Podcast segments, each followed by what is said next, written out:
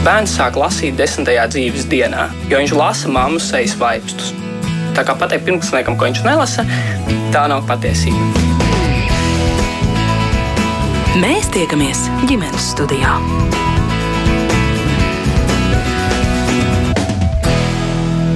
Labdien! Šajā raidījumā 13-gadīgā Rudolfa mamma stāstīs, ka viņas dēls, kurš trenējas hokeja, vienmēr jūtas laimīgs uz ledus un ir noskaņots sasniegt šīs sporta veida virsotnes. Šoruden viņš devās mācīties un svarīgākais sportot uz Amerikas Savienotajām valstīm, jo pandēmijas laika ierobežojumu dēļ nav skaidrības, kad Latvijā būs iespējams nepārtraukts un kvalitatīvs treniņu process. Kā pandēmija ietekmēs jauno sportistu karjeras iespējas, es mērķis noteņi jautājuši hokeja kluba kluba BHC 37 vadītājai Baibai Reidzānei. Labdien, Baiba ir mūsu studijā un pat tālruni uh, mūsu sarunā piedalīsies Latvijas Basketbola Savienības ģenerālsekretārs Kaspars Ciprus. Labdien! Labdien. Un arī Latvijas Hokeja federācijas valdes loceklis Jālgaus ledus sporta skolas direktors Aivars Zeltiņš. Sveiciens arī jums! Sveicināti! Jā, bet jautāšu, kā ir pašreiz Baiba? Kā vispār šobrīd notiek treniņi jūsu sporta skolā? Nu, šobrīd mēs esam pamazām, pamazām atgriežamies jau treniņu procesā uz ledus. Ja. Bērni, kas ir vecāki par 12 gadiem, kas ir vakcinēti un kas ir ar certifikātiem, var trenēties droši iekštelpās, ja, trenēties un arī atsākuši spēlēt čempionātu. Bet visi, kas ir mazāki, tad. Uh, Šobrīd ir tas process, ka jā, ar teorētiski ar skolas uh, testu var iet uz lidot iekštelpās, bet ir tā neskaidrība, cik ilgi tas viss būs. Līdz ar to mūsu klubs mēs esam pieņēmuši kopā ar vecākiem lēmumu, ka mums bērni mums tā iespēja trenēties ārā, Olainē, pilsētas lidotavā.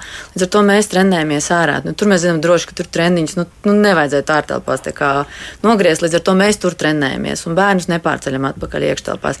Bet jebkādas sacensības mazajiem līdz 12 gadiem, diemžēl, ir joprojām aizliegtas. Kā Jālgavā? Uh, nu, situācija jau jāsaka, visur, visur jau ir vienāda.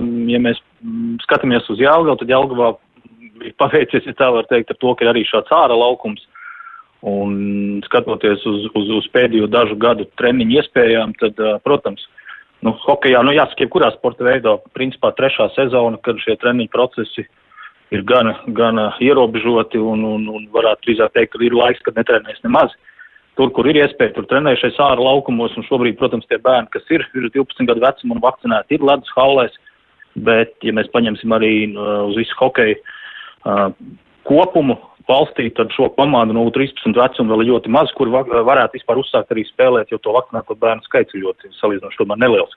Protams, ejot pa vecumiem uz priekšu, ar vien tas skaits pieaug, bet tas nozīmē to, ka, nu, principā šobrīd arī U13 vecuma grupās bērni hokeju vēl joprojām nespēlē. Kā ar basketbolu? Arī komandas spēle, arī prasa tās treniņus iekštelpās. Tāda pati situācija, līdzīga.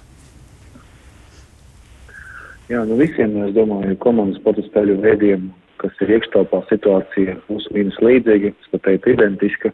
Tā kā, protams, šobrīd var zālē iet tikai vakcinētie bērni, un, un tā kā Treniņu process, ka ir saraustīts, jo grupā, kā mēs saprotam, varēja būt gan vakcinētie, gan arī nevakcinētie, tā kā komandas ir sadalītas, sadrumstalotas. Nu, ir grūti, protams, ka ir grūti, uh, bet, nu, manuprāt, ir šobrīd ir jāsaprot, ka mēs jau cīnāmies ar šo vīrusu pietiekami ilgi, un, nu, pēdējais laiks vienkārši saprast, kuru ceļu mēs ejam, jo, jo, jo tā, protams, ka turpināties nevar, jo ilgtermiņā, ja mēs tā turpināsim, tas ļoti atsauksies, nu, primāri ne tikai uz bērnu veselību, bet arī uz, gan arī uz izlašu startiem, jo, kā mēs redzam, mēs visi priecājamies, ka ir lielās uzvaras, bet, ja tā ilgstoši turpināsies, nu, diemžēl tur liela uzvara būs mazāk un mazāk. Jā, nu, diemžēl par to arī parunāsim mazliet vēlāk, bet jūs teicāt, gana ilgi šis jau turpinās, un, protams, pandēmija ilgs jau divus gadus. Atskatoties, varbūt tā pavisam īsi šo divu gadu laikā, kas ir bijuši tie vis, vislielākie izaicinājumi? Nu, varētu teikt, neiespējamā misija.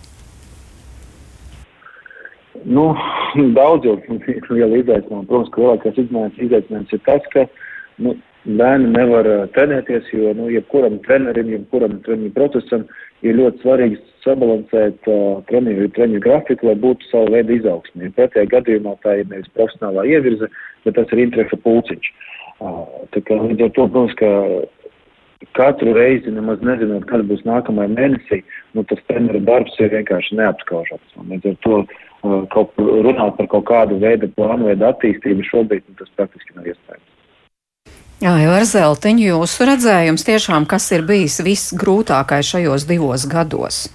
Kolēģis arī pareizi ieskicēja tās pamatlietas. Tas uh, sarežģītākais tas ir, uh, ka līdz ko to mēs varam runāt par kādu profesionālo ievirsu sportā, tad šo pat, jāsaka, pēdējo trīs sezonu treniņu procesi bijis tāds, ko pat grūti nosaukt par, par, par, par procesu. Jo lielākoties treniņi vai nav notikuši vispār, vai viņi notikuši ār, ārpus telpām. Un jāsaprot, ka Latvijas klimatiskā apstākļi tomēr ir gan sarežģīti dažādos posmos, lai treniņu varētu nosaukt tiešām par daudz maz pilnvērtīgu. Tā seks, ko mēs jutīsim noteikti no šī pēdējo gadu uh, treniņu procesa, kāds nu viņš ir bijis, mēs jutīsim šeit nākamajos, uh, varbūt pēc gadiem pieciem, sešiem, septiņiem, ka mums būs milzīga bedra uh, profesionālā sportā un izlašu, izlašu um, kaut kādos rezultātos. Nemaz nerunājot par to, protams, kādas sekas atstās kopumā uz, uz bērnu kaut kādu fizisko, protams, nu, situāciju kopumā. Bet tā situācija patiesībā ir gan satraucoša. Uh, ne, runāja taisni par to, ka viņš ir ļoti nepārredzams un nesaprotams, kāds tas plāns varētu būt turpmāk, jo faktiski mums ļoti īsā laikā nomainās noteikumi. Ja mums nu pat novembra mēnesī attiecībā uz, uz ledus sporta veidiem uh, tika izsludināts pilotprojekts, kura ietvarā mēs tā kā varētu būt haulēs un testāt, testēt uz bērnus, klubi nopērk testus. Mums pēc divām nedēļām šis projekts ir beidzies, testi nopirkti vairāk tāda lēmuma kopuma neskaidrība par to, kā mēs virzīsimies turpmāk, ja šī pandēmija arī, kā dzirdam, arī šobrīd ziņās atkal, atkal turpinās.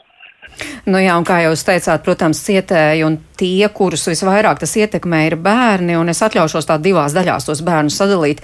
Nu, vispirms tie, kuri tomēr, nu, tā, tā ļoti pa to mm, profesionālo karjeru nedomā, varbūt, nu, pieņemsim, iet tomēr vairāk trenēties. Prieka pēc, domājot par šiem bērniem, ir arī tāds, nu, es teikšu, atbirums. Ir bērni, kur ir zaudējuši motivāciju un nevēlas vairs trenēties. Pilnīgi noteikti. Pilnīgi noteikti. Mēs, es, skatoties arī uz saviem klubiem, uz hokeja, uz hokeja skolām, redzam, ka uh, ir divas šīs uh, lietas. Daļa bērnu, kas uh, aizbrauc, jo vienkārši šeit Latvijā nebija iespējams trenēties, un ir tā otra puse, kuriem tieši tā vienkārši zudusi interesi par šo sporta veidu, jo uh, man vienmēr patīk arī teikt, ka, lai veidot tos intereses pēc sporta, ir arī jābūt šim sacensību garam un iespējai pēc konkurences. Ja hokejs tomēr ir vajadzīgs ledus, zūmā trenerim pasniegt attālināti treniņu, ilglaicīgi, nu diez vai tam bērnam radīsies interesi par šo sporta veidu. Nevienā brīdī mēs, protams, gan kā federācija, gan kā es kā kluba šobrīd vadītājs, nevar teikt, ka mēs iebilstu pret kaut kādu sabiedrības kopējo tur uh, drošību un tā tālāk. Jautājums ir par to, kā mēs šo to sporta veidus virzam, kā mēs testējam, ar kādu skaitu mēs iekštelpās varam turpināt šos treniņus, lai tas viss ir nu, daudz maz saprotam, regulēti un nedomāju, ka tas kritiskākais posms sabiedrībā šobrīd ir bērni, kas būtu sportā un kas trenētos ieštelpos. Jā, bāja, varbūt paturpiniet tiešām par tiem, kuriem nu, tā motivācija vienkārši ir zudusi. Ir tā jūsu, tā arī. piemēram, klubā? Tā arī tā. Varbūt tas, par tiem, kur aizbraukuši, mēs vēl parunāsim mazliet vēlāk, bet par tiem, kur vienkārši ir aizgājuši. Tā ir tas, ir tas lielākais izaicinājums uzturēt bērnos motivāciju strādāt, jo, protams, ka tādi jautājumi arī ir. Bērns. Nu, cik, ilgi, nu, cik ilgi mēs tajā zumā te trenēsimies, ja, ja nu, kā, mums tieši tā hokeja ir vajadzīgs ledus pareizi, un uh, cik ilgi mēs būsim zumā, mēs gribam sacensības, cik ilgi mēs trenēsimies, bet mēs bez sacensībām, tā kā šobrīd tas ir mazajiem bērniem, jā, viņi var teorētiski būt uz ledus trenēs, bet viņiem sacensības nedrīkst būt. Cik ilgi, un līdz ar to ir, diemžēl, ir atbildums, ir un visās vecuma grupās, gan mazajiem pavisam.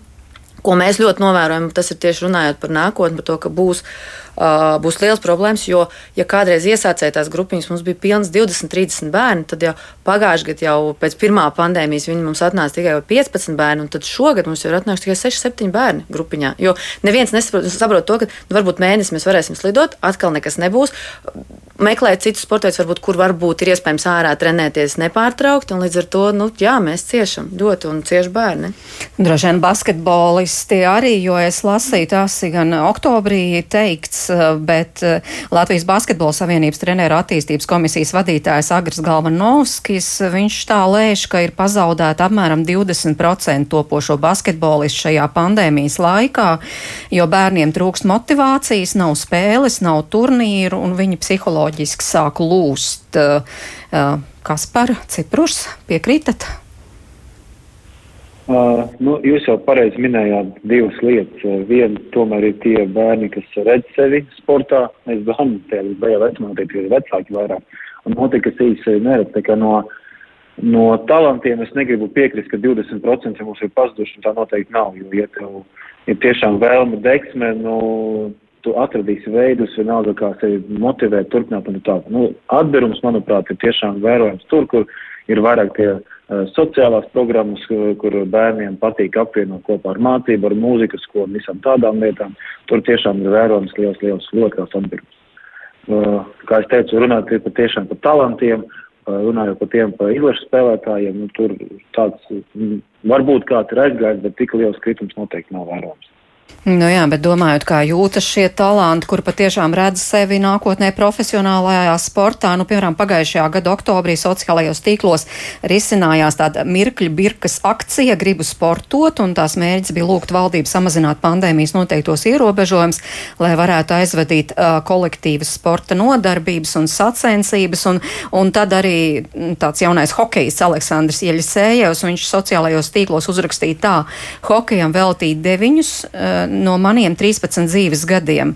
Ikdienas milzīgs fiziskais darbs, 365 dienas gadā. Māma mani atved uz ledus, kad man bija četri, man bija astma, bija divas opcijas dzīvot uz zālēm vai meklēt alternatīvas, un man vecāki izvēlējās otru, par ko esmu viņiem pateicīgs. Šodien esmu pilnīgi vesels, pateicoties sportam, augu vesels gan fiziski, fiziski gan garīgi. Ledus hāli ir mūsu otrās mājas. Jums nav tiesība mums to atņemt, jūs rīkojaties neloģiski.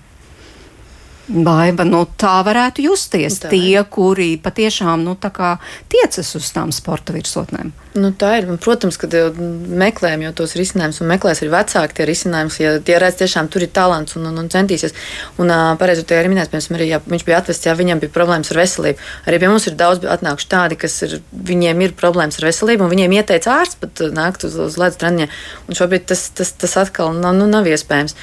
Un, bet tie, kas ir talantīgie, nu, tā ir diemžēl, tas ir atkal uz vecāku pleciem. Ir jāmeklē risinājums, un, un diemžēl mūsu valstī tas nav iespējams attīstīties pilnvērtīgi. Līdz ar to jā, tiek meklēti iespējas doties uz ārzemēm. Mm -hmm. cits, cits, cits. Jo ļoti daudz jau tajos talantīgajos ieguldīts. Nu, kā mēs te tātad no četru gadu vecuma, ikdienas treniņa, mēs zinām arī finansiāli, cik tas viss, piemēram, vecākiem ir izmaksājis. Aivar Zeltiņš. Uh, jā, protams, tā satraucošākā lieta jau ir, ka tas neiet runa par mēnesi, bet kad mums, kā jūs minējāt, sarunas sākumā, faktiski tā jau ir trešā sezona, kas ir nu, ļoti būtiski ietekmēta. Un jebkurš, kurš sportā saprot, ka uh, bērnam, pusaudzim, ja trīs sezonas pēc kārtas ir ļoti apgrūtinots treniņu process, tad uh, neapšaubāmi uh, to, būs, to dzīvē ir grūti vai pat neiespējami atgūt. Uh, līdz ar to uh, kā jau minēju, arī tās, tās sekas šim visam posmam būs droši vien redzamas mm, visos nākamajos gados, un, un jācer tiešām, ka uh, mēs ar katru dienu varēsim atgriezties pie maksimāli pilnvērtīgāk šī treniņa procesa. Nemaz nerunājot, protams, par naudu, kas tiek ieguldīta, ko katrs vecāks iegulda savā bērnā, vedot tiem treniņiem, gad, gadiem ir vedis. Tā, protams, ir šī viena puse, kura, nu, finansiālā puse, bet ir jau tā otra puse, ka mēs kā sabiedrība visi kopumā būsim cietēji no, no šī procesa, kā, kā, ja bērni netika pie pilnvērtīgiem treniņu procesiem. Nu, bet tas nozīmē, ka kā jūs lēšat, kā tomēr kā treneri, kā skatoties no malas, tad tas pilnīgi ir izstrīpots šis laiks no šo uh, jauniešu dzīves un vairs nebūs viņiem iespēja, nu, tā kā atspērties un atgūties nokavēto.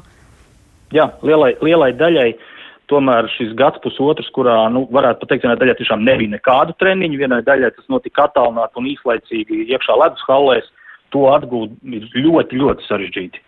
Tādā attīstības posmā. Protams, mēs uh, varam runāt par agrīniem sporta veidiem un, un var sākt arī dažos sporta veidos vēlāk, bet, ja mēs skatāmies šobrīd arī uz hokeju kā sporta veidu, uh, nu, sešos gados pilnīgi noteikti tam bērnam jau ir jābūt uz ledus. Un, ja viņš savus gadus 5, 6 jau ir pavadījis sportā un nākamos divus netrenējās, tas izlaistais posms ļoti būtiski ietekmēs viņu tālāku attīstību šajā sporta veidā. Baiba. Tieši tā, un uz pasaules mēroga, teiksim, skatot kopumā, mēs, mēs, mēs atkrītam. Mēs ļoti atkritīsim atpakaļ. Jo dzirdot to, kas ir noticis apkārt citās valstīs šo divu gadu laikā, nu, nav nekur tā pārtraukts sports bērniem, tā kā ir pie mums noticis ir jā, maksimums, nu, kā pirms man ir Šveicē, ja es zinu, tad tur, piemēram, ir zinu, komanda. Viņi nedēļu, viņi nedēļu no vis, vis, visā šajā laikā, nedēļu ir bijuši bez ledus treniņiem pandēmijas laikā. Vispārējais vienmēr ir atrast risinājumu, kādā veidā, vai tie bija testi, vai skolas testi, vai tiešām klubs taisīja testus, ja? bet, bet treniņi notika. Bija mazākās grupās treniņi notika, bet viņi notika. Arī citur, maziem Somijā, Zviedrijā, viss, viss, viss notiekās, netiek pārtraukts. Un, protams, ja mums šeit ir tas posms, kad divi gadi nekas nenotiek, attālināt vai, vai, vai, vai, vai lieliem, lieliem pārtraukumiem, tad, protams, arī mēs uz, uz, uz teiksim, tā, mūsu potenciālo izlašu pretiniekiem mēs, mēs, mēs ļoti atkrītam atpakaļ. Kāds par Ciprus, domājot par basketbolu, arī tik skarbi, jo, nu, tomēr, kā jau jūs paši teicāt, un kā jau arī dzirdējām, ka visādi risinājumi jau tik meklēti, un tomēr tur treniņi ārā vai treniņi zūmā vai vēl nezinu kas, vai arī par basketbolistiem domājot, nu, tā tad šī divi gadi būs tomēr kritiski svarīgi tiem, kuri tiec uz profesi, profesionālo sportu. Es domāju, jā, noteikti, protams, ka tie, tie kas ir šobrīd vecumā amplitūdu grupā no 8 līdz, teiksim, tā varbūt par 14, uh, nu, tiem ir būs ļoti kritisks brīdis, ka, kā viņi spēs to visu adaptēties, pēc tam man ir ļoti grūti spriest. Bet, ziniet, es domāju, ka tā ir vispār Latvijas valsts sporta problēma. Ja mēs tā paskatāmies, mēs esam čempioni tajos sporta veidos, kas tikko sākās. No rekur mēs bijām 35. gadā Eiropas čempioni basketbolā, uh, Tad mēs bijām līderi BMX kādu brīdi, tad mēs bijām skeletonā, tagad 3x3, bet tiklīdz ir kaut kādas, kur ir jādomā ilgtermiņā, kā attīstīt populāros sporta veidus, un tur mums ir problēma ne tikai ar Covid saistībā, bet vispār ilgtermiņā visā sportā. Tā kā, uh, Jautājums ir, kur mēs atkritīsim? Nu, mēs šobrīd jau tā neesam nekur baigi līderi e, populārajos sporta veidos. Nu, tas tā ir arī galvenā problēma, ka mums nav kaut kāda Uh, sporta vīziju, kā mēs attīstīsimies, kā mēs, kur mēs turpināsim, jo, jo nu, neviens populārais sporta veids šobrīd nav vadošais nekur Latvijā, teiksim tā pasaulē. Nu, varbūt pandēmija tagad ir tā kā pateikusi, nu tad viss sēžamies pie galda un radām šādu nu, vīziju, jā. Diemžēl pandēmija radīja vēl vienu problēmu, jā, tas, kas līdz šim jau bija, ar ko mēs saskārāmies. Uh, klausītāja Ineta mums raksta, protams, klausītāji arī laipni aicināti uzdot savus jautājumus vai varbūt arī komentārus. Te gan ieskanējās no baigas puses, pa kā ir citās valstīs, bet viņi, piemēram, uh, raksta, nu vai tiešām mēs esam vienīgie, kuriem šādas problēmas bērnu sportā, kā Lietuvā, Igaunijā, tas tepat blakus, kā ir tur. Tur viss notiek, viss treniņi. Patiesībā pat šis šogad, tas, kad bija, mums bija mēnesis, uh, tagad pilnīgi, pilnīgi viss slēgts bija. Tā bija Hokeisti visi brauc uz Lietuvu, Igauniju trenēties. Tur visas halas bija pilnībā noslogotas. Kādros skaties, visu priekšā Latvijas komandas trenējas. Es zinu, ka arī basketbolisti arī bija devušies uz Igauniju, veidojuši kaut kādas nometnes un braukuši uz turieni. Tur nekas nav pārtraukts. Tur, tur viss notiekās.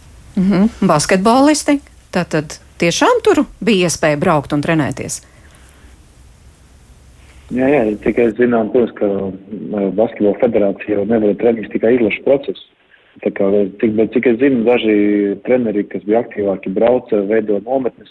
Uh, nu, mums arī bija tāda absurda situācija, ka uh, Latvijas universitātes komandai viņi nevarēja aizvadīt, jo viņi nebija profesionālie līgumi uh, spēles Latvijā. Tad mēs aizvadījām, ja nemaldos, vienu spēli Igaunijā, vienu spēli Lietuvā, kur viņam bija paredzēts mājas spēles. Un tā kā mēģinām pielāgoties, jā, jā, tāda problēma bija, Lietuvā un Igaunijā to visu varēja darīt. Nu, diemžēl Latvijā mēs bijām spiesti pārtraukt daudzas aktivitātes.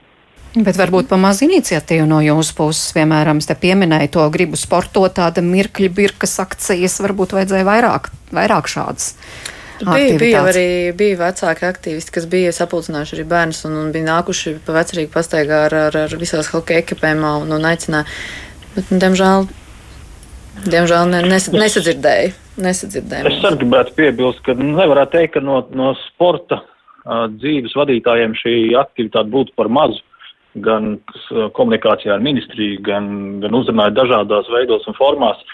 Droši vien tas ir tāds, jā, nu, esošās situācijas kopējs mūsu valdības redzējums, kā pārvarēt šo visu situāciju, bet, nu jā, protams, skatoties uz kaimiņu valstīm, tepat vien netālu jau mēs redzam, ka tas uh, redzējums, kā, kā to darīt, ir savādāks, un katrā ziņā uz sportu tur šis regulējums ir bijis savādāks, un mēs vairāk mēnešu garumā, pat nu pat vēl šajā rudenī, faktiski ar Latvijas kapitālu studējām uh, sporta infrastruktūru kaimiņu valstīs.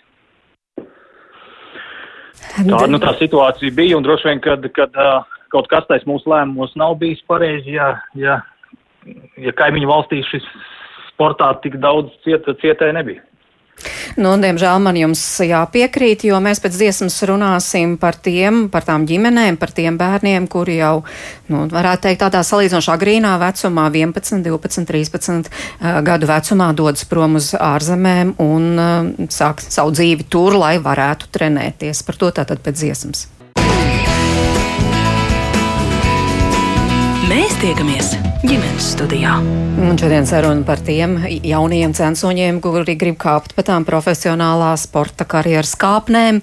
Un atgādinu, mūsu studijā ir hokeja kluba BHC 37 vadītāja Baiba Reidzāne, Latvijas Hokeja federācijas valdes loceklis, arī Jelgavas ledus sporta skolas direktors Aivars Zeltiņš un Latvijas basketbola savienības ģenerālsekretārs Kaspars Ciprus. Un klausītājiem paldies, tad daži komentāri, nu, piemēram, Aldis raksta, viss saka vainīgi vainīga valdība ar saviem lēmumiem, bet vainīgi ir vienīgi pieaugušie vecāki. Mēs, kuri nevakcinējamies un nozogam bērniem dzīvi, savukārt Zāne raksta tie, kuri var trenēties ārā ļoti labi, norūda veselību, tomēr ir sporta veidi, kur ārā nevar notikt. Un tādēļ izvirzīt prasību bērniem līdz 12 gadiem uzrādīt pārslimošanas vai vakcinācijas certifikātu ir absurda. Vakcīnas pieejams tikai no rītdienas, bet līdz tam mana vienīgā iespēja panākt, ka bērns saslimst ar covid-19, un tas ir absurdi savā būtībā. Nu, lūk, tā tad tiešām degpunktā vai mūsu redzeslokā tie sporta veidi, kur nevar ārā tik vienkārši, ja kur hokejā ir vajadzīga ledus hala vai, vai basketbolā ir arī vajadzīga hala, kur trenēties. Bet domājot un runājot par tiem, kur patiešām grib tikt augstāk, baiba, jūsu dēls arī 13 gadi un jau ir prom. Prom, ir prom, prom no mājām, nu tad stāstiet. Jā. Jā, oktobra beigās nācās pieņemt lēmumu. Tad, kad valstī tika paziņots, ka atkal kārtībā reiz viss tiks pārtraukts un, un, un nevarēs viņš trenēties tālāk, tad uh, mēs pieņēmām lēmumu ģimenē, jā, viņš dodas prom. Bija no Šveices klubs, kurš, kurš meklēja spēlētājus, un mums bija tā iespēja aizbraukt tur atrādīties, un, un, un, un tad tur arī tad viņš ir tur ir palicis. Jā. Bet kā jūs organizējat to sadzīvi? 13 gadi. 13 gadi, jā, devās arī mans krustdēls tur, viņi ir kopā divatā. Un tajā klubā jau no sezonas sākuma, teiksim, tā, no augusta, ir vēl viens latviešu puika, arī, kurš tur ir pievienojies. Un, uh, viņiem to sadzīves organizēja, klubs visu palīdzēja, atrada ģimeni, viesu ģimeni, kurā viņi dzīvo. Tāda tā ģimene ir pilnībā atbildīga par viņiem. Gan ēdināšana, gan viņi uzrauga arī to, ka viņi dodas uz vietējo skolu, gan arī seko visiem treniņu procesiem, lai viņi visu apmeklētu un būtu. Tā kā, nu jā, patiesībā tur, tur, tur, ir, tur ir ļoti labi atstrādāta sistēma. Patiesībā ir klubs, ir vecāki, ir skola, ir pašvaldība, tur, tur, tur ir un arī federācija. Un arī jums tāds mierīgs prāts kā mammai. Jā, man bija jāizbrauc, man bija es mēnesis, ne, viņš, viņš aizbrauca, es pat nevarēju pati doties līdzi, un tas mēnesis vēlāk, kad es aizbraucu ciemos, ka es redzēju to, tad tiešām es atgriezos mājās ar uh, mierīgu sirdi. Uh, arī redzot bērnu acīs, joprojām tā dzirkstele, un viņš saka, nē, mamma, es palikšu, es te, nu, es, es te gribu, es redzu, kad, kad man sanāks, un viņam viss patīk, tad es atgriezos mājās ar mierīgu sirdi. Bet, protams, ja tā padomā, 13 gados man ka bērns devies prom jā, no mājām. Nu, tā, diemžēl, šobrīd notiek. Es pirms redzījuma sazinājos arī ar Valmierieti Gunu Bērskalnu. Viņas 13-gadīgais dēls Rudolfs eh, arī šobrīd ir Amerikas Savienotajās valstīs, un um, Guna gan stāsta, droši vien tas nu, tādos normālos apstākļos būtu noticis vēlāk, ne 13 gadu vecumā, bet nu, pandēmija piespieda izšķirties par šādu lēmumu. Nu, Lūgunas stāsts. Reāli tas uh, piedāvājums tika mums izteikti 16. septembrī. Viņam braukt uz konkrētu komandu, trīs puišiem kopā no Latvijas. Viens bija viņš, un tad vēl no diviem hokeja klubiem. Um, uzrunāts bija viena puika tētis, kurš arī tālāk šo piedāvājumu izteica mums. Mēs vairāk kārtīgi jau bijām kopā spēlējuši dažādos turnīros gan Latvijā, gan arī ārpus Latvijas. Un pat cik man bija pieredze ar šo tēti tieši sadarbība turnīros un, un viņa attieksme pret uh, to, ko viņš dara. Mēs kaut kā četru dienu laikā pieņēmām lēmumu un Rudolfs aizbrauca uz Ameriku kopā ar šiem diviem puišiem un vēl tēti, kas viņus pavadīja. Rudolfs ļoti labi spēlē hokeju, viņam tas padodas, viņš ļoti mīl šo sporta veidu, viņš ir, varētu teikt, laimīgs uz ledus. Vienmēr, kad viņš uz viņu uzsāk, vai tie ir treniņi, vai tās ir spēles, un tā mīlestība pret šo sporta veidu mums arī ar, ar Rudolfu tēti laikam padarīja vieglāku šī lēmuma pieņemšanu. Um, Rudolfs ļoti daudz arī skatījās, kā spēlē zināmie hokeisti. Un pēdējos mēnešos mēs viņam vairāk kārt bijām prasījuši, nu, ja šeit aiztaisīs sporta cietu, vai tas būtu gatavs braukt prom. Jā, 13 gados uh, laikam ir pa ātru, lai dzīvotu ģimenēs, tāpēc uh, viņi aizbrauca uh, trīs puiši, un viņiem līdzi aizbrauca uh, tas tētis, kas arī mūs uzrunāja, doties tik tālu. Un uh, šis tētis nodzīvoja divus mēnešus ar viņiem kopā, jā, un tad aizbrauca viena mūsu ļoti laba, jauka meitene, pazīstama, kas pašreiz trīs nedēļas viņas pieskata. Pēc tam atkal šis tēvs brauks atpakaļ. Un, un līdz Ziemassvētkiem būs ar viņiem kopā. Un tad viņi 21. un 22. decembrī lidos uz Latviju, lai saņemtu studentu vīzes. Viņi sāka novembra vidū iet Amerikas skolā. Sākumā, ka, protams, bija grūtāk varbūt tīri saprast uh, nu, visas tās lietas, kas tiek skaidrotas angļu valodā. Rudolf teica, ka nu, viss sarežģītāk sākumā bija matemātika, lai izprastu šo jauno vielu angļu valodā. Bet, uh, uzdodot kādus jautājumus skolotājiem, tas viss diezgan tiek atrisināts. Viņš ir laimīgs, viņš ir priecīgs par to, ko viņš atrodas, par to, ko viņš var darīt. Mums ir jādomā tikai par ikdienas vajadzībām. Hokeja klubs līdz gada beigām, mums tika apmaksāta skola līdz gada beigām un arī dzīvošana. Es esmu tik ļoti pateicīga sirdī tiem cilvēkiem, kas uh, novērtēja mūsu puišu iemaņas, mūsu puišu atvērtību šī sporta veidā, un kas savukārt atvēra savas sirdis un, un, un, un viņiem nodrošināja šīs sezonas veiksmīgu palikšanu tur. Pašā sākumā, pirmajā nedēļā, kad Rudolfs aizbrauca, mums nu, tā teiksim, ieejot mājā pa galvenajām durvīm, man stāvēja, nu, viņš ir hokejists un hokejam tās drēbes mēs vienmēr pēc katra treniņa spēlēm žāvējām uz tādu, nu, tādu sametinātu tā kā cilvēciņā. Tur, kur uzlikt kāju sargus, roku sargus, ķiverīti. Es um, no šī cilvēciņa noslēpu visas viņa drēbes, visus grekus ar, ar viņa uzvārdu, nu, lai es to neredzētu.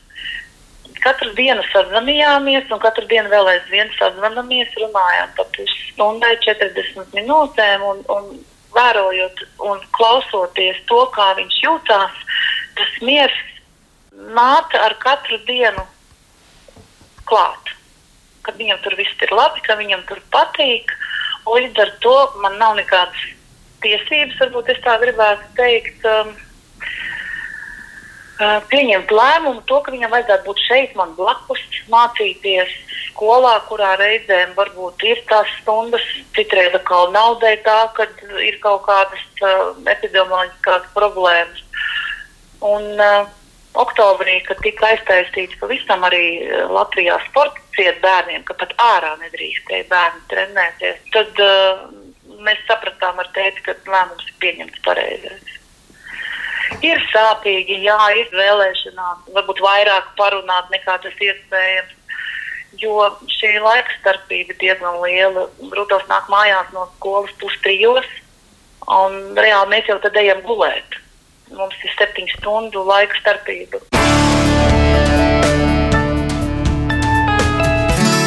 No tāds ir Bērskauna ģimenes stāsts tad, par Rudolfa šī brīža dzīvi Amerikas Savienotajās valstīs stāstīja viņa mamma Guna, un sievietes jau varētu teikt vienmēr tā emocionālāk visu uztver.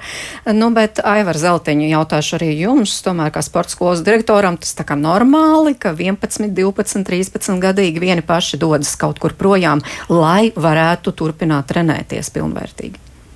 Jā, gribu teikt paldies tiešām arī Baibai un arī mammai no Valmieras par šo stāstu, un tas tik liek, liek mums visiem aizdomāties, uh, cik un uz ko ir gatavi gan paši sportisti, jaunie censoņi, gan arī vecāki šajā situācijā, bet, protams, ka mm, tas nav pašsaprotam, ka tik agrā vecumā. Tas, ka, protams, kāpjot pa šīm karjeras kāpnēm, mums pienāk vecums, kad ļoti iespējams ir, ir, ir jāmaina vide, valsts, uz kuru un kā mēs uh, jaunos trenējam, bet, protams, tevis tās par kādu vecumu, uh, un cik lielā apjomā mums no, no, no Latvijas izbrauc šie sportisti.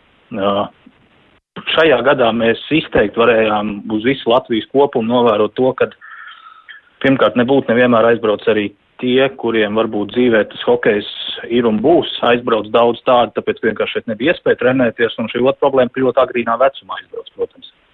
Un to jau, jāsaka tā, jānovēl, lai katram šim sportistam izdodās un sasniegt tos, tos mērķus, ko dzīvē ar šo sportu grib sasniegt. Bet to jau būs pēc gadiem tik jāvērtē un jāstāsta, kādu emocionālo uh, stāvokli tas viss ir atstājis arī uz bērnu. Un, un, protams, tiem, kam paveicās, ir labas ģimenes un, un jācer labas skolas un, un, un lai arī klubi, uz kuriem aizbrauc, lai tiem tas nav kā biznes, kuri piedāvā iespēju par naudu, bet tā, tā kvalitāte varbūt nav tā augstākajā līmenī. Līdz ar to ļoti daudz aspekti, kuri katrā individuālā situācijā jāvērtē, un, protams, mums uz visu Latvijas kopumu jācer tikai, ka šie sportisti, kas ir aizbraukuši pēc gadiem sasniegs rezultāts un dos arī mūsu Latvijas izlasēji un sabiedrībai kopumā pienesumu. Bet situācija kopumā ir gan satraucoša. Nu, bet esat paskaitījuši, nu, piemēram, no jūsu kluba vai kopumā kaut kādas aplēses ir, cik daudz šādu uh, bērnu ir aizbraukuši? Ja mēs, ja mēs skatāmies visu Latviju kopumā uz hokeju, tad mums nu, šajā gadā aptuveni ap 2,5 tūkstoši ir licencētu sportistu, tad, protams, ir jāvērtē agrīnā vecumā varbūt šī licence starptautiskā vēl nav sakārtota, bet varētu būt, ka šogad ir ap 150, varbūt līdz pat 200 bērni, kas ir aizbraukuši no Latvijas. Nu, tas ir daudz, un mūsu klausītāji ieva raksta, aicina padomāt, ka pēc vieglu roku atdodam pašus stiprākos un talantīgākos jauniešus projām uz ārvalstīm, kur ārzemju klubi ir priecīgi šos bērnus uzņemt, bieži vien visu apmaksāt. Valdības lēmumu liek atdot pašu vērtīgāko, kas valstī ir savus stipros un talantīgos jauniešus. Tieši tā, tieši jā. tā. Tā, tā tas arī ir. Jā. Diemžēl, bet citu, citu iespēju nav bērniem šeit palikt. Un, un, un ja te, te netiek nodrošināts pilnvērtīgs treniņu process, spēļu praksa netiek nodrošināta, tad, protams, ir jāskatās ir tālāk. Un, un tā ir jaunie brauc, ir, ir, ir iespēja dzīvot ģimenēs, tas, tas, tas vēl ir labi. Bet ir arī, es zinu, mums ar paziņojumu, kas ir aizbraukuši uz Somiju, un puiši 14 gados dzīvo vieni paši. Vieni paši viņi paši gatavo sev ēst, viņi paši sev jau plāno visu dienu, vairs nav vecāku blakus. Protams, sazvanās, un, un, un tā ir neatņem daļa, bet jebkurā gadījumā viņiem ir ļoti agrīni jākļūst patstāvīgiem. Tā kā pie, jākļūst pie, pieaugušam cilvēkam. Nu jā, no, A, vēl jau ir bērnība patiesībā. Nu jā, bet no vienas puses it kā varētu teikt, labi, jā, ātrāk kļūst pastāvīgi, no otras puses arī domāju, vai kāds tā paseko līdzi. Nu, piemēram, tā kā jūs savējie no jūsu sporta kluba, kas aizbraukš jums par visiem, ir apmēram skaidrs, kas tur ar viņiem un kā. Nu, zinām, nu, šobrīd no, no, no, no mūsu kluba ir divi projām. Mēs esam tūlītās vēl divi brauc projām, viens uz Dāniju, viens uz Zviedriju plāno doties arī projām. Jā, nu, viņi pārceļās ar ģimenēm. Viņi visi ģimenes, viņiem ir iespēja apvienot darbs, ir attālināti, un tas ir iespējams ar ģimeni pārcelties. Jā. Um, tas, ko zinu arī Valmērā, viņiem ir pārcēlušies, jā, nu, tad ir Rudolfs pārcēlies uz, uz, uz, uz Ameriku. Uh, tad ir mums ir tur arī puika arī Šveici pārcēlies, viņš dzīvo internātā. Viņš dzīvo viens pats tur, un, un protams, ar vecākiem ir saziņas, bet nav kāds, kas tur uz vietas to mazo puiku vēl, vēl uzrauga. Jo nu, 13, 12 gadi tas ir, ir ļoti maz bērnu. Vēl. Mm, jā, Aivar, par, par šo paša, pasekošanu līdzi. Vai tas vispār ir Jā. iespējams? Nu, vismaz katras, katras sporta klubs es, savējiem. Es gribēju teikt, ka tas jau, protams, katra, katra kluba šī iekšējā vide, kā, kā tas dzīvē notiek. Nu, katrā ziņā mēs savējiem cenšamies šo saitu uzturēt, un arī tie, kas ir aizbraukuši jau, jāsaka, nu, vecumā, kas ir junioru vecums, protams, mēs cenšamies arī ar vecākiem pārunāt, kāda šīs sekmes ir, un arī pagājušajā gadā atgriežas arī atpakaļ, saprotot to, ka iespējams nu, tas aizbraukšana nav izdevusies tāda, kā bija plānot gan no sportiskā rezultāta, gan arī iespējams no sadzīves viedokļa. Bet, protams, tas jau ir katra kluba atbildība, cik tālu un kā var, kā var kontrolēt, nu, pat ne kontrolēt, šī gadījumā nokomunicēt un kā var uzturēt šo saikni ar savu sportistu. Uz visu Latviju kop, kopumā, protams, ir grūti tā mums kā arī kā federācijai novērtēt, izvērtēt, un, un, un droši vien tas lielais skaits aizbraucēju, nu, kā jau minēju, mēs redzēsim tikai pēc gadiem, kādu iespēju tas ir atstājis kopumā uz sportu un sabiedrību mums. Jā, bet nu, tā ir tikai tāda hokeja īpatnība. Gribu jautāt, kas param Ciprusam basketbolists ar kāds ir gatavs vai kāda ģimene doties prom, tāpēc ka nevar trenēties pilnvērtīgi. Ziniet, te mēs atkal runājam, jāsāk runāt par to, kādā vecumā bērns dodas. Es tagad varbūt nerunāšu kā ģenerālsekretārs, bet runāšu kā bijušais sportists un kā tēvs. Es savu bērnu nekādā gadījumā nesūtītu ne 11, 12 gados projām viena iemesla dēļ mēs esam veikuši aprēķinus, un tikai 0, kaut cik procenti pēc tam no tā visa apjoma, kas mums apmeklē sporta skolas un vēlās spēlēt basketbolu, kļūst par profesionāliem sportistiem. Un, nu, primāri maksī jādod bērnam ir bērnība, bērns jākoncentrējas mācībām. Es nekur nedzirdu īstenībā arī baigi sociālos tīklos, ka mums šobrīd uh, kaut ko darīt, kāpēc bērni mācās attālināt. Un tā ir galvenā problēma. Bet, nu, būsim reāli 99% no sportot gribojošo bērnu un viņu vecākiem, tas ir uh, hobijs. Un ja mēs šobrīd koncentrējamies to, nu, ka 11 gados mans bērns būs profesionāls sportists, nu, es nezinu, es kā tēvs to nekad nenovēlu savam bērnam. Un otrs, uh, protams, ka ja bērns brauc uz ārzemēm, viņš uh, tiek, piemēram, kaut kādā Amerikas labā skolā, dabū pa brīvu kaut kādu veidu izglītību, jā, tā noteikti ir pievienotā vērtība. Bet ja viņš 11 gados vecāki redz, ka tur būs profesionāls sportists, Nu, tas, es nezinu, tā, vai tas ir pareizi. Protams, ka jautājums, ka mums arī brauc arī basketbolā ļoti daudz 15, 16 gadīgie. Un tas jau cits tās. Tur jau ir noformējies augums, tur, tur jau tā apmēram redzi, tur ir jaunieši izlūks. Tad jau ir kaut kāds, uh, nu, ir sapratne par to spēlētāju, par, tā, par to iespējām, kur brauc, kā brauc. Tad ir vēl, es redzu, kā risinājumu. Bet, nu, 11, 12 gados Nu, man liekas, tas ir ļoti stipri pāragri vispār runāt, vai bērns vispār vēl gribētu spēlēt basketbolu vai kādu citu sporta veidu, vai viņš vispār būs sportists un tikai mētiecīgi iet uz profesionālo karjeru sākot no 11 gadiem. Nu, tur taču priekšā ir ļoti daudz lietu, kaut vai piemēram kā traumas, un ir ļoti daudz paziņas, kas ir uh, talantīgi, ļoti talantīgi spēlētāji beiguši spēlēt dēļ traumām, beiguši spēlēt dēļ tā, ka viņam apsīkst interesi. Nu, ja mēs nekoncentrējamies uz izglītību, nu, tas, man liekas, tā ir problēma. Piekrītat, Baiba, nu, šis aspekts, jā, 11, 12, 13 gadu, vai tiešām jau ir, nu, vismaz trenerim, kurš ir trenējis eh, bērnu no 4 mm. gadu vecuma, vai ir apmēram skaidrs vai nav skaidrs? Kas, kā, kas nākotnē varētu būt. Protams, tieši tas, ko minēju, skaidrs, ka varbūt gan trauma, gan, gan, gan ir citi varbūt aspekti, tieši pat 14, 15 gados var pagriezties. Bet, ja nerunājam par traumām, bet, nu, tīri tā, ka, nu, jā, ir iekšā, ir talants un nu, var. Ir, ir tas sportiskais, teiksim, tā, vai, vai, vai tur ir interesi par sportu, vai ir tiešām tas bērns ir atnācis tīri tiešām uh, prieka pēc paslidot. Protams, ka, nu, vai tāpēc, ka tētim gados, patīk? Nu, tieši tā, to jau, nu, noteikti tajā vecumā, jau 12, 13, nu, tur jau var to pateikt. Bet uh, noteikti šobrīd, vismaz tas, ko es zinu uz hokeja aprindās, visi tie, kas mēs esam devušies, un bērni ir devušies prom, noteikti nav tā, viņi devušies un bez izglītības. Izglītība un sports iet roku rokā. Šobrīd jau Latvijā arī izglītība nav jau iespējams normāli. Jā, šobrīd mēs it kā teorētiski tagad šis gads ir ar tiem testiem, bet mēs manu puiku gadījumā bija tā, ka no šī mācību gada sākuma, kad varēja būt klātienē, viņš bija kopā līdz oktobra beigām divas nedēļas skolā, jo visu laiku ir kaut kādas karantīnas jāsēž, attālināti procesa mācība nav normāli norganizēts, tas viss ir pašam vienkārši jāurbjās. Līdz ar to nebija ne sports šeit pilnvērtīgi, nedz arī izglītība. Līdz ar to uh, Mēs pārcēlām puiku uz tālmācības skolu šeit Latvijā. Viņš šobrīd turpina mācības Latvijā Rīgas komercskolā tālmācībā.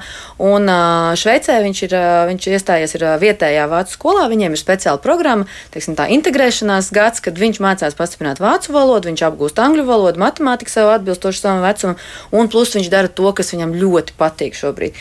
Es kā mamma, es, es protams, es, es zinu savu dēlu mērķus un, un, un, un viņa sapņus, un es darīšu visu, kamēr viņam tās acis teikt. Protams, mēs atbalstīsim viņu un uh, ļausim virzīties arī tajā profesionālā, tajā sporta, sporta, sporta ievirzē. Bet uh, Nav tā, ka mans mērķis ir, ka, ka viņš kļūst par profesionāli. Tāpēc mums ir svarīgi, ka iet izglītība iet roku rokā ar, ar, ar, sportu. Bet, diemžēl, šeit Latvijā arī tas šobrīd nav iespējams. Nu jā, te vēl kāda klausītāja Ilza atsaucas droši vien uz manu šo pieskatīšanu, ko es arī biju domājis pēdiņās, vai kāds pieskata vai sako līdzi, jā. Nu, viņi saka, pieskatīšana, tas izklausās skarbi un bēd, bēdīgi bērniem, taču vajag daudz vairāk par to, ka kāds viņus pieskata. Nu, ka tā kā vajadzētu te arī kādu psihologa komentāru. Nezinu, Aivar, jūs vēl kaut ko gribat pie šī piebilst? Nē, Kaspars gan ir baigi ļoti pareizi uh, ieskicēja to pamatlietu, ka tā būtiskākā lieta jau ir jāvērtē katra konkrēta situācija un vecums. Tad, kad aizbrauc 16, 17 gados uh, uz, uz kādām lielākām valstīm, klubiem, uz labiem piedāvājumiem, tas viss jāvērtē un tas, tas ir ļoti normāli. Tas stāsts, par ko mēs šodien arī vairāk sākām un diskutējam, ir tas, vai ir jāizbrauc 11 gados, un tas droši vien ir parāds.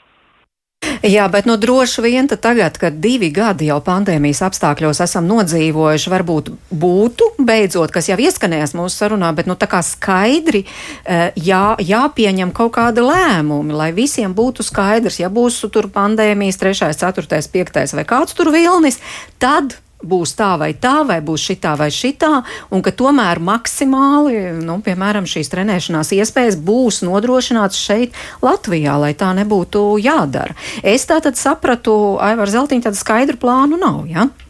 Nav, un, un mums arī citās jomās nav, un ja mēs runājam šobrīd par sportu, tad uh, uh, gribas domāt un cerēt, ka uh, arī ar esošo regulējumu, ka viņš netiks raustīts un mainīts, ka mēs varēsim iekštelpās turpināt um, trenēties arī, ja, ja šī saslimšanas apjomi palielinās.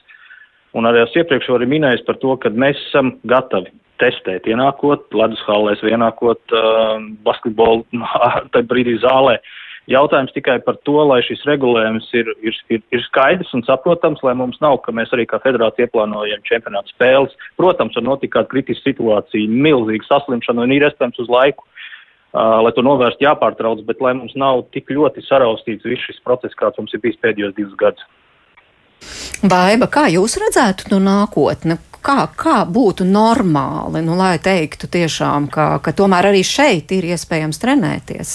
Ir iespējams, un es zinu, ka federācija arī bija sagatavojusi virkni ar priekšlikumiem, kam mēs esam gatavi nākt pretī. Nu, debat, piemēram, kam, piemēram, kam jūs esat tas, gatavi? Ir, ierodamies hallē formās, lai nepavadītu ilgu laiku ģērbtuvēs, jo tā ir tā vieta, kur varētu būt, kur, kur varētu apsāslimt. Uh, mēs uh, Izem mazākās grupās, piemēram, pa 15 līdz 20 cilvēki. Ja. Nepārklājas, pirms, ja ir sacensības, tad tiešām katrs ieiet no savas puses, lai nesatiekās nekur gaitiņos. Ja. Protams, vecākie nāk, tad, protams, tikai, ja ir certifikāts, drīkst atnāk apkārt. Ievērojama distanci, ja. ja mēs ierodamies, kamēr mēs esam gaitenī, mēs esam ar sejas masku, ja. jo uz ledus jau, nu, ar visu ķiveri un visā formātā, teiksim, hokeja, nu, nu nav iespējams, nu nav tas konteksts tik cieši un, un tik ilgstošs, lai, lai, lai tur kaut kādā veidā nodotu. Tagad tās iespējas ir, un tieši tāpat kā arī minējot tos testēšanu, nu, mēs varam, ir gatavi, vecāki ir gatavi, klubi ir gatavi, nu, mēs esam gatavi testēt viņus, bet uh, tikai ļaujiet. Bet ir jāsaprot, vai tiešām tas būs ilgtermiņā. Jo šobrīd tā ir, tikko sākas, ir ieviesta viena noteikuma, pēc divām nedēļām jau ir kaut kas cits. Vairs nespēja vienkārši izsekot tam līdzi, un, un beigās un tad vispār nav nekā. Mm -hmm. Nu, basketbolā tomēr mazliet citādi. Kā jūs redzētu tādu normālu uh, nu, treniņu procesu nākotnē? Pat ja pandēmija turpinās, jautāja Kasparam Ciprusam. Uh, nu jā, nu šobrīd ir tā, ka, protams, ka atkal jānodala jaunieši no uh, amatieriem un profesionāļiem, jo, piemēram, gan amatieros profesionāļos mums praktiski 90 7, 98% jau ir visi sapotēti, un tur, tur nekādām problēmām nevajadzētu būt. Nu, ir jā, tie bērni. Bet, kā es saprotu, cik man ir zināms, Izglītības zinātnes ministrija jau, jau ir izstrādājusi uh, kaut kādus variantus, ko vildīs, virzīs uz valdības sēdi. Nu, cerams, ka atkal veselības ministrija neko neizdomās un nenoērēs viņus. Tā kā arī tie bērni, kas nav potēti, varētu iet zālē, trenēties. Uh, tā kā, nu, es arī saprotu, ka Izglītības zinātnes ministrija dara visu, bet nu, tur pretī arī sēž cilvēki no veselības ministrija, kurī tas sports nav tik puls, viņiem ir savas problēmas, viņi redz situāciju slimnīcās, nu, un tad viņi tā atkal uh, nogriež mums visas iespējas un visas cerības, uh, nes, neskatoties, jo, protams, ka veselības ministrija neinteresē, kas būs pēc desmit gadiem ar Latvijas sportu, kas būs ar, ar mūsu izlases sasniegumiem, kas būs ar mūsu bērniem. Viņiem ir šobrīd savas problēmas akūtākas, un, un, un nu, viņas arī var saprast. Tā kā, Tā kā, nu jā, situācija ir, ir tāda, kāda viņa ir, un, nu, un arī, ko es gribu pateikt, nu, man liekas, ka jau kas minēja, kas jau bija minēts, ka, nu, šobrīd bērni jau ir uh, pieaugušo situācijas ķilnieki, nu, tā, tādiem žēl ir. Nu, mūsu sabiedrība, nu, uh, mēs bļaujam, bļaujam, bet pamaz daram, un, uh, ja mēs tikai tagad sākam saprast, uh, ka, nu, varbūt tiešām jāpotējas, nu, lai tie bērni mazāk ciestu, nu, tas noteikti pa ļoti pa lēnu, ļoti pa lēnu, jo, ja mēs būtu, tādā attīstības līmenī kā pirms Dānija vai citur, kur tas uh, potēšanas un uh, uzticības kredīti ir daudz augstāks viens otram, nu, tad, tad mums tāda problēma arī nebūtu, kā mēs esam šobrīd. Jā, nu es te arī vēl dažus mūsu klausītāju komentārus. Nu, te kāda mamma arī ļoti skarba un piekrīt. Nu, pasakiet vienreiz konkrēti. Latvijā sports nevakcinētiem 12-gadīgajiem bērniem līdz, nu, līdz 12 gadu vecumam bērniem ir liekts. Un kā vispār var liekt bērniem sportot? Nolēmjam šos bērnus cukurdiabētam un atkarībām. Tas ir noziegums pret bērniem. Nu, viņi tik skarbi saka. Ilze mums raksta, diemžēl sports nav vienīgais iemesls pēdējā laikā. Arvien biežāk dzirdu vecākus, kur domā par emigrāciju tieši izglītības līmeņa straujās krišanās dēļ, jo attālināts mācības, hroniskais skolotāju trūkums un stundu nenotikšana un tā tālāk ir tiešām daudz ģimenes nogurdinājis, bet nu te Jānim arī akal ir tāds savs redzējums. Viņš mums rakstā prasītos pilnīgāku informāciju, vakcinācijas aptvere, noteikumi treniņiem un tam līdzīgas lietas citās valstīs. Jā, mēs esam vienīgie, kas tik ilgi nav atļāvuši normāli sportot, bet tur ir arī daudz citu aspektu. Redzam, ka beidzot ir vismaz pieņemti kaut kādi noteikumi, kuriem varētu sekot. Jā, noteikumi ir pārāk vēlu pieņemti, nav skaidri un nav skaidrs tiešām, kas būs nākotnē Nu jā, vai varēs tikai vakcinēti ietrenēties, vai tomēr nē, kas būs ar tiem, kam ir, kur nav vēl sasniegušo 12 gadu vecumu. Nu, lūk, jā, tā kā no, no vecāka puses, un kā es dzirdu arī no treneru puses. Tāda neskaidrība, bet baiva, nu, kaut kā, kaut kā mums pozitīvi jābeidz šī saruna. ko jūs tādu labu varētu tagad pateikt, pirms es jūs pasaku, ar ko es šodien runājos? Ziemassvētki tuvojas, nu, kaut, ko, kaut ko pasakiet labi tiem vecākiem, kuri, kuri savus bērnus tomēr virza arī sportā. Nē, noteikti ir jāvirza. Ir, ir, ir jādarbojas. Un, ja, nu, ja nu tomēr diemžēl, tā nav iespējams teiksim, teiksim, tā, būt iekštelpās treniņos, tad, tad kopā darboties ārā, vairāk pavadīt laiku. Un, un, un, un, un, tiešām ģim, ģim, ģimenes, ģimenes lokā varbūt tiešām būt kopā un, un, un sportot kopā arī un kustēties noteikti, jo tā ir, jo tās attālinātās mācības un, un, un tie visi, visi tās iekārtas, kas mums ir bērniem apkārt, tieši vairāk no viņiem raud kopā un, un vairāk iet ārā un darboties. Paldies! Es saku baigai Reidzānai, Kasparam Ciprusam un Aivaram Zeltiņam. Paldies tiešām, ka atradāt laiku un piedalījāties ģimenes studijas raidījumā. Producenti Ilza Zvaigzne, viedzvēniec pie skaņpults.